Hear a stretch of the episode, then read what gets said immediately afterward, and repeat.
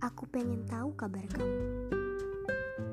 Aku pengen kamu dengar cerita-cerita aku. Dan aku banyak menyimpan pertanyaan buat kamu. Aku harap rindu bisa menjawab semuanya. Karena sesuatu yang tertahan itu gak sehat. gak sehat buat aku, dan buat kamu orang yang aku tuju.